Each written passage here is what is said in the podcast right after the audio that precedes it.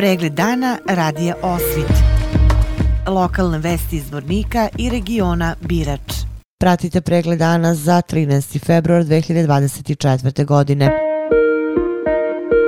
Grad Zvornik raspisao je javni konkurs za dodelu novčanih sredstava za sufinansiranje troškova jedne procedure asistirane reprodukcije van telesne oplodnje i poziv ostaje otvoren do 30. novembra tekuće godine ili do utroška sredstava. Kako je za osvit radio rekla načelnica odalenja za privredu i društvene delatnosti grada Zvornik Ljiljana Toholj, novčana sredstva ove godine su uvećana u odnosu na prethodnu godinu i iznose 35.000 konvertibilnih maraka. Ljiljana Toholj. Grad Zvornik je kao i svaki svake godine i ove godine raspisao javni konkurs za dodelu novčanih sredstava za sufinansiranje troškova jedne procedure vantelesne oplodnje. Novčana sredstva ove godine su uvećana u odnosu na prethodnu godinu, e, iznose 35.000 maraka. Pravo na dodelu novčanih sredstava e, imaju bračni parovi koji su već koristili tri procedure od Fonda zdravstvenog osiguranja Republike Srpske, porodice koje su također samostalno finansirale dve procedure vantelesne oplodnje, i to iz sobstvenih sredstava, i porodice koje su imale dve dve neuspešne procedure asistirane van telesne oplodnje na teret obaveznog zdravstvenog osiguranja koje su priznate od fonda e, Republike Srpske i jednu neuspelu proceduru finansiranu iz sobstvenih izvora. Porodice koje konkurišu za proceduru donacije također reproduktivnog materijala imaju pravo po ovom javnom pozivu bez obzira na broj urađenih prethodnih postupaka. Osnovni uslov jeste da imaju prijavljeno prebivalište na području grada Zvornika i to najmanje 12 meseci od dana predaje zahteva. Javni konkurs e,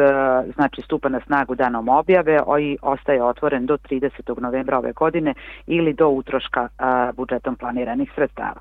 Gradska uprava već 13 godina pomaže mladim bračnim parovima da se ostvare uh, kao roditelji, a do sada je rođeno negde između 27 i uh, 30 beba za sve ove godine.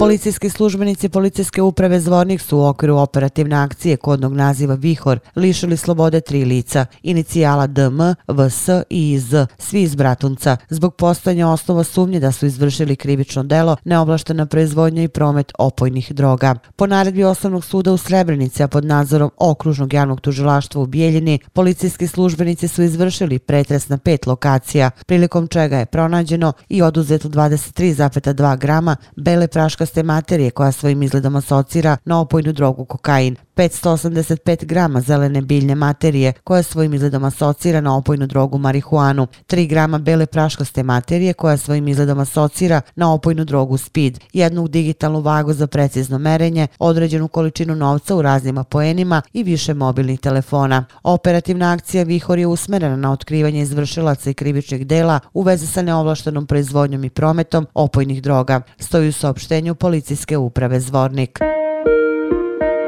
Savet učenika Srednjoškolskog centra Petar Kočić iz Vrnika i ove godine tradicionalno obeležava 14. februar, dan zaljubljenih. Tim povodom u hodnicima škole postavljene su kutije u koje svi zainteresovani učenici mogu ostaviti poruke. Također postavljena je kutija u koju se mogu ostaviti poruke za učenike Tehničko-školskog centra Zvornik. Predstavnici Saveta učenika sutra na dan zaljubljenih uručit će poruke onima kojima su upućene.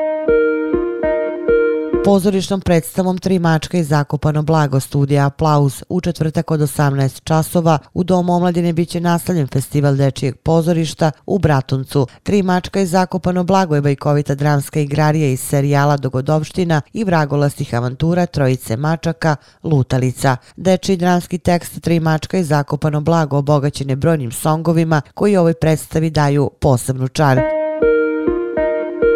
Edin Đerlek, ministar bez portfelja zadužen za ravnomeni regionalni razvoj, presecanjem vrpce svečano je označio završetak radova i pustio u funkciju sistem za odvođenje atmosferskih voda ispod Doma kulture, projekta čiju je izgradnju sufinansirao Kabinet Ministarstva za ravnomeni regionalni razvoj. Pre ovog svečanog čina i presecanja vrpce sa predsjednikom Malozvorničke opštine Zoranom Jeftićem, Đerlek je razgovarao sa rukovodstvom opštine Mali Zvornik. Kako je on objasnio prema internim analizama, analizama, a na osnovu nove metodologije. Opština je dostigla blagi pomak, ali dok to ne usvoji vlada, ne može se zvanično pričati da je mali zvornik trenutno u četvrtoj kategoriji razvijenosti i da nije u društvu najnerazvijenijih. Đerlik je naglasio da je sa tim podatkom upoznao lokalno rukovodstvo kako bi ga ohrabrili i da shvate da ulaganja imaju smisla. Ovo je veoma značajan projekat u koji smo uložili 5,7 miliona dinara, a uz još jedan ukupno oko 6,5 miliona dinara.